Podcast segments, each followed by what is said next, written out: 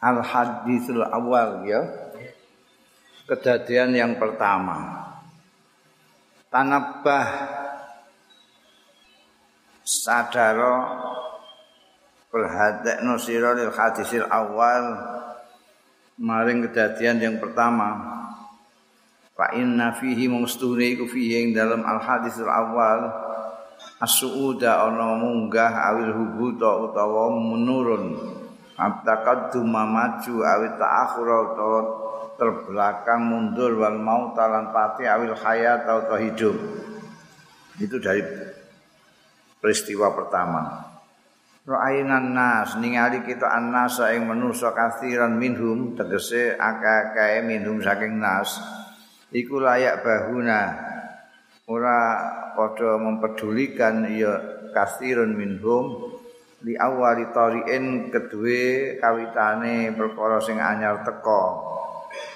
Wala yubalunahu lan ora ngrewes ya nashu ing awal tariin. Ka'anna ma huwa amrun ghairu dzibalin kaya-kaya huwa ya awal tariin iku amrun perkara ghairu dzibalin kang ora penting. Ghairu dzibalin iku sesuatu sing tidak dipikirkan walau alimu lamun ngerti ya nas ana awakibal umur seduhune akibat-akibat pira perkara iku talhaku awailah iku mok mengikuti awailah talhaku mengikuti ya awakib awailah ing kawitan-kawitane umur. Wa tasiru lan nglumaku ya Uh, umur sairataha ing lumakune awailah nek ndekne ngerti ngono ora tanabahu yekti sadar ya manusa nas lil hadisil awal marang kedadian yang pertama. Perhatekno kedadian pertama.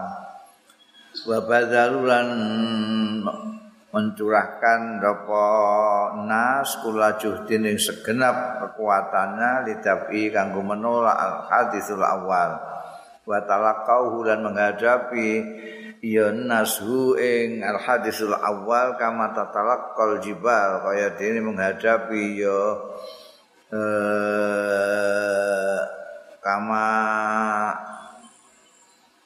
tatalaqqa kaya dene menghadapi apa al jibal rasia gunung-gunung sing kokoh-kokoh menghadapi tawairi an nakabat ing anyar-anyar tekone bencana-bencana Anata iju tawi natijah natijah hasil hasil. Iku tatba'u ngetutno ya nata'id al muqaddimati ing muqaddimah muqaddimah fasadan wa salahan.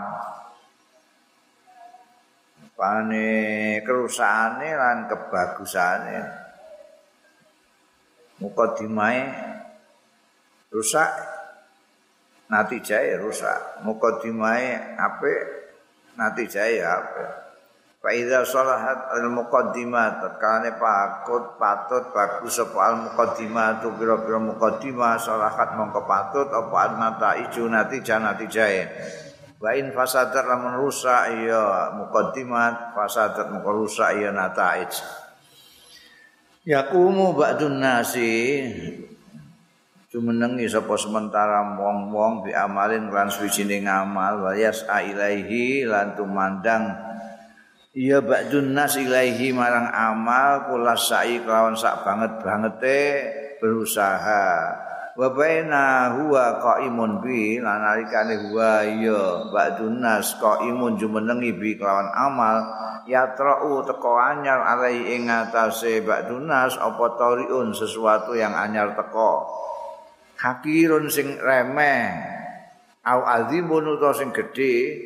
An itmami maqasada sanging nyempurnakake barang. Qasada kang nejo ya ba'dun nas ilahi marang ma. Eh? Ayat 10 kan itmami. Ana sadurunge an iki anu ya dunu eh? Ya tambahi sing kaya wae tambahin. Ya Allah ya trawalai tariun hakir au azimun fayajbunu mongko rawani ngono ya fayajbunu ba'dun nas an itmami ma qasada ilaihi saking nyempurnake. Barang qasada kang nejo ya ba'dun nasilai marang ma. Mbah cilik mbah gedhe sing teko anyar iku mau dia ndak berani menghadapi. Wa tasabbatu anhu. An menghalangi ya apa jenenge tarik mau anhu saking amale? Wa tatufu azimatuhu. Lan lemah apa azimatuhu? Kemauane ba'dun nas qabla bulughil murad sadurunge sampai kepada apa sing dikarepake. Wa madzalika illa faqdus sabri. Ora ana apa zalika mengkono mau illa min faqdis sabri kejaba saking dene ken kelangan kesabaran. Wajib nafsi lan jirie jiwa. Wa inna masabru angin pustine sabar iku inda sodmatil ula nalikane benturan yang pertama. Benturan yang pertama kowe sabar eh, benturan berikutnya kecil. Benturan pertama kowe kalah ya sudah enggak terus enggak berlanjut Wayan hadu ghairuhu lan bangkit sapa ghairuhu liyane ba'dun nas ila amrin maring sucining perkara patan sapa alaihi tawari monggo ngeneki alaihi ing atase ghairuhu apa tawari perkara-perkara sing anyar teko wa tukhitu bil awaik lan ngupengi bihi kelawan ghairu apa awaik rintangan-rintangan wa tanhadu ilaihil musabbitat lan segera.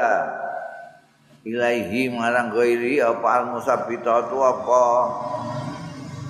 Halangan-halangan mingkuli janibin saking setiap arah kaya tahammalaha mongko nanggung ya ghairuhu rabital jaksi kelawan kokohnya kekuatan tekad kokohnya tekad sabital azimati sing tetep azimae ya padha ae maknane kira bidat jaksi mek sabital azima.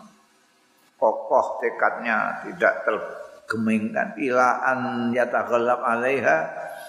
Tumekane yen to ngalahake ya ghairuhu alaiha ing atase musabitat awaik tawarik mau. Sumaya siru mongko keri-keri berjalan ya ghairuhu nahwa ma qasada lahu maring menuju barang qasada kang nejo ya ghairuhu lahu marang ma bihimmatin lawan himmah kemauan keras. La ta'riful kalal sing ora kenal al kalal ing menyerah lemah. Kata ya nala sehingga mekole ya ghairihi maing barang yuri tukang ngarepake ya ghairi wa ma dzalika lan ora ana apa dzalika mengkono mau illa li annahu krana kejaba krana setuhune ghairuhu iku sabar sabar alal haditsil awwali ing atase peristiwa yang pertama. Wa tanabbahan sadar di abadi itawari maring kawitane perkara-perkara kang anyar teko wa jafan huwa jisal jubni lan menolak ya ghairi anu saking ghairi jisal jubni eh apa zaman eh, bisikan-bisikan kepengecutan wal jazailan kepanian bisa babi utia sebab barang utia kang diparingake diparingi.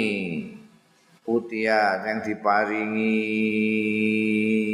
ya ghairihi ing ma min sajaatil qalbi nyatane keberanian hati wa ma tarabbalan barang kang terdidik Iya ghairi alai ing atase ma minas sabri nyatane kesabaran inda ulal sadamat nalikane pertama kalinya benturan-benturan.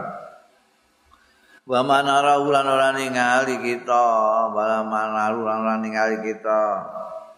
Wa ma utai barang narahu kang ningali kita ing ma. Ya, ningali ma bayane man min khaibati kasirin nyatane kegagalane wong akeh miman saking wong yakum kang jumenengi ya man bil amali kan pira-pira amal. Inama huwa ing pestine.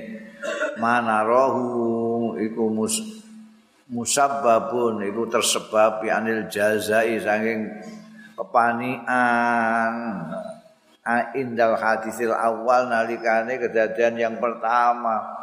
Baru kena segitu aja wis panik. Patanabah lil hadisil awal mau kowe sadar. Kowe kudu harus tetap jaga. Hatekno lil hadisil awal sadar lil hadisil awali. Awas waspada lil hadisil awali marang kejadian yang pertama. Begitu kamu bisa melewati hadis awal kamu bisa jablas itu. Tapi kalau dari hadis awal sudah menyerah ya sudah gak jadi.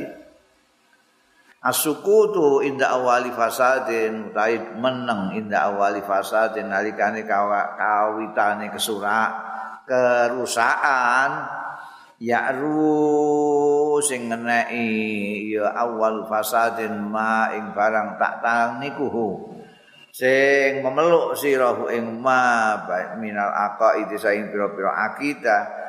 Dain iku nak ngajak li saroyanil fasad mare brenteke kerusakan ila sairhi maring sawenehe ma begitu ada kerusakan mestinya terus bilang ini tidak benar Tapi kalau dari awal dibiarkan bisa berendak tekan dinti itu. Ya. Ya. Pertama harus kejadian-kejadian yang banyak soal penggusuran-penggusuran itu kenapa? Karena apa jenis iki wae pemerintah terus ana wong ngedekno omah ning kono. Dijalno. Engko ana wong neh iku dijalno wonge gawe neh wong liya gawe neh. Akhirnya ketika banyak wangel pemerintah akan musir ini tidak bisa. Wes kono perang-perang tahun jadi. Mesti ini dari awal itu sudah diberitahu ini tidak boleh ditempati. Hadisil awal penting. Ana wong bikin apa neko-neko di dalam soal agama misalnya. Nggak danggaki mbok. Anda nih nggak mbok bener kan ya terus sombrentek yang terus saya naik dewi wajib nuka fit difa. Ora wani ira jereh ira fit difa an sakri ing dalam mempertahankan ansakri hakikat sangking haira sahri itu adalah lubang tempat yang kosong di mana musuh akan masuk. Jadi naik rembang ini misalnya lor segoro guri gunung kene gunung karek kono kono itu sahru tempat masuknya musuh itu saku. Ya jenenge. Jadi, hakmu ini iki apa berupa apa? Nek berupa bondo mbok sok endi? Mbok sok peten iku kunci lawange peten iku sahrune iku. Iku nek kowe rawani jaga ya dibuka-buka wong jikuki hakmu. Itu saenake dhewe. Gitu. Itu maksude sahri hakika ya hakmu lah pokok nek kowe rawani mempertahankan hakmu wajib nuka iku sababun dari sebab litahal hulil adu. Anggo bercokolnya musuh fi ahsyaihi dalam tengah-tengahnya hakikat Wah, yes. Tak enak mereka di situ bercokol di tengah-tengah. Wa ma wulu'ul insan bisyar, ora ana apa wulu'ul insan. Kecenderungane manusa bisyari kelawan kejahatan. Wa darawatuhu bil mungkar. Lan kebiasaane insan bil mungkari kelawan kemungkaran. Wa ma wulu' mane ora. Wa ma wulu'ul insan lan ora kecenderungane manusa bisa kan kejahatan. Wa darawatuhu lan kebiasaan insan bil mungkari illa listihanatihi. Kejaba krana ngremehake insan bikafki jimahi nafsi kelawan mengekang kodrane kodrane bedale awake nafsune insan al ammarati sing ngajak ala inda awali mailin mil lil fasad nalikane kawitane cenderung lil fasati marang kerusakan orang-orang yang biasa berbuat jahat, kekuatan mungkar itu dari awalnya karena dia tidak mengekang nafsunya untuk berbuat itu, lalu akan menjadi kebiasaan. Pecandu itu juga begitu, dari nyoba-nyoba pertama itulah mulainya ada kecanduan. Wal ghaitsu awwalul qatru.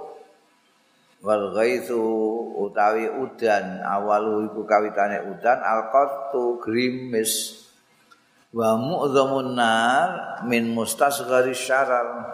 Utawi gede-gedene geni iku min mustasghari syarar saking sing dianggep cilik eh saking sing dianggep cilike pertian geni syarar itu percikan geni.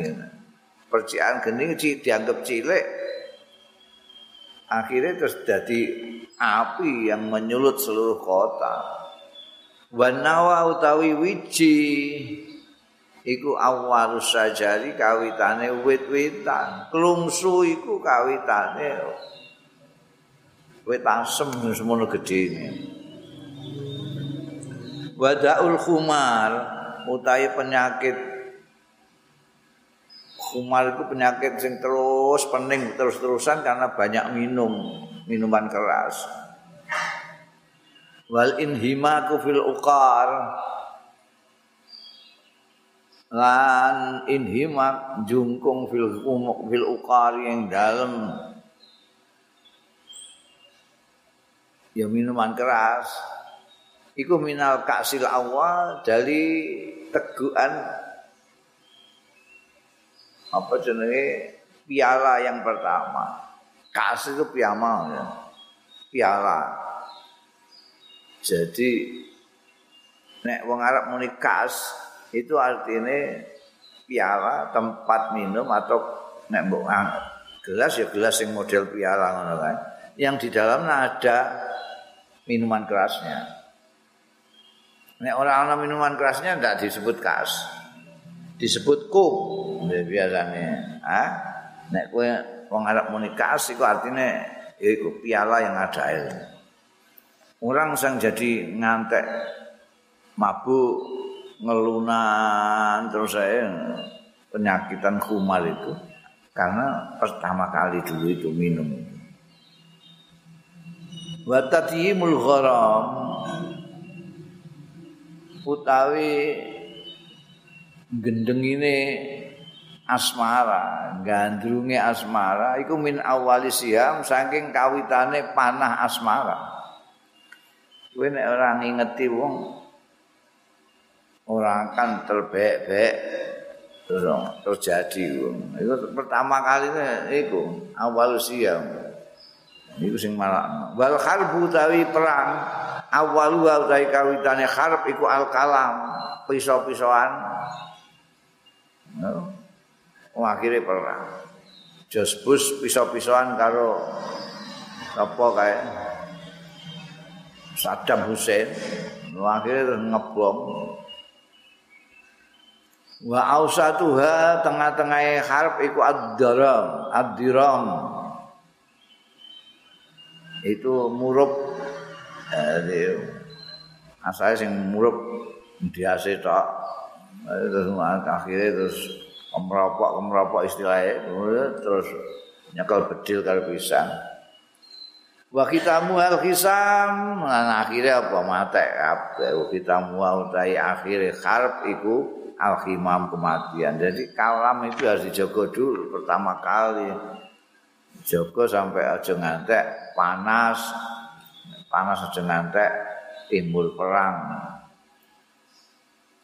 wa in tajbah kula hadisin nek kowe nolak sira kula hadisin ing setiap kedadian qabla ayyajbahaka sadurunge mukul menghantam ya kulu hadisin ka ing sira. Watat fa'alan nolak sira kula tariin ing saben-saben sing anyar teko qabla ayya usyaka sadurunge yen to mukul ya kulo tariin ka ing sira. Takman mongko aman sira. Al ila ing kerusakan-kerusakan wa ta'islan urip sira. Mutmainnan khale tenang bisir bika ing dalem. Jiwa ira saidan tur bahagia bi amalika ing dalem amalira azizan tur mulya fi baina qaumika ana ing antarane kaum ira. Ayuhan nasiuna wahai generasi yang baru tumbuh. Inna min adwa ina setune iku termasuk penyakit-penyakit kita. Alati takhulu bainana wa baina ma tastahi. Kang ngalang-alangi bainana antarane kita wa baina tas wa baina malan antarane barang nastahi sang ingin kita. Kita tidak pernah sampai kepada yang kita inginkan. Itu karena min adwa ina ini. Apa itu al jaza. Inna min adwa ina iku termasuk penyakit penyakit kita. Al jaza yang panik indal hadisil awal. Nalikane kedadian yang pertama. Wa adama sabri lan ora anane sabar. Inda sadmatil ulain dalam nalikane benturan yang pertama. Fadzalika al khuluqu Mutahi mengkono-mengkono pekerti jaza indal hadisil awal atau adamu sabri indal sadmatil ula. Mamalaka orang nguasani apa dalikal khuluq nufusa kaumin ing jiwa-jiwane kaum. Illa sayyarahum kejaba ndadekake ya dalikal khuluq ing kaum. Abidal asa dadi budak-budake tongkat sing nggo tongkat ndiding ulon marang-ulon tukang wetan wetan. Dadi budake tongkat. Wa albasaum rida adzulli lan nganggokake ya dalikal khuluq hum ing kaum rida adzulli ing pakaian kerendahan pakaian kehinaan. Wa ja'ala dadekake ya khuluq sa'yahum ing usahane kaum. Didadekake sudan sia-sia. Wa amalahum lan dadekake iya dalikal khuluq ing amale. Kaum didadekno habaan mansura debu yang tersebar-sebar. Artinya ya sia-sia. Tadruhu sing ngawur-ngawurake ing habaan mansura apa riyahul jubni wal jaza apa angin kepengecutan wal jaza lan kepanikan Fata'awadu mongko ngulinakno sira. Kabeh ra'akumullah muga-muga melindungi ing sira kabeh sapa Allah. Biasa ana sabra ing sabar wa tasaddadu indal hadis muat-muat nosiro indal hadisil awali nalikane kedadian sing pertama. Yashul mongko gampang alaikum ing atase sira apa talak kima ba'dahu menghadapi barang ba'dahu kang sawise al hadisil awal. Wa takunu lan ana sira kabeh fi a'malikum ing dalem amal-amal ira kabeh iku najihina padha sukses kabeh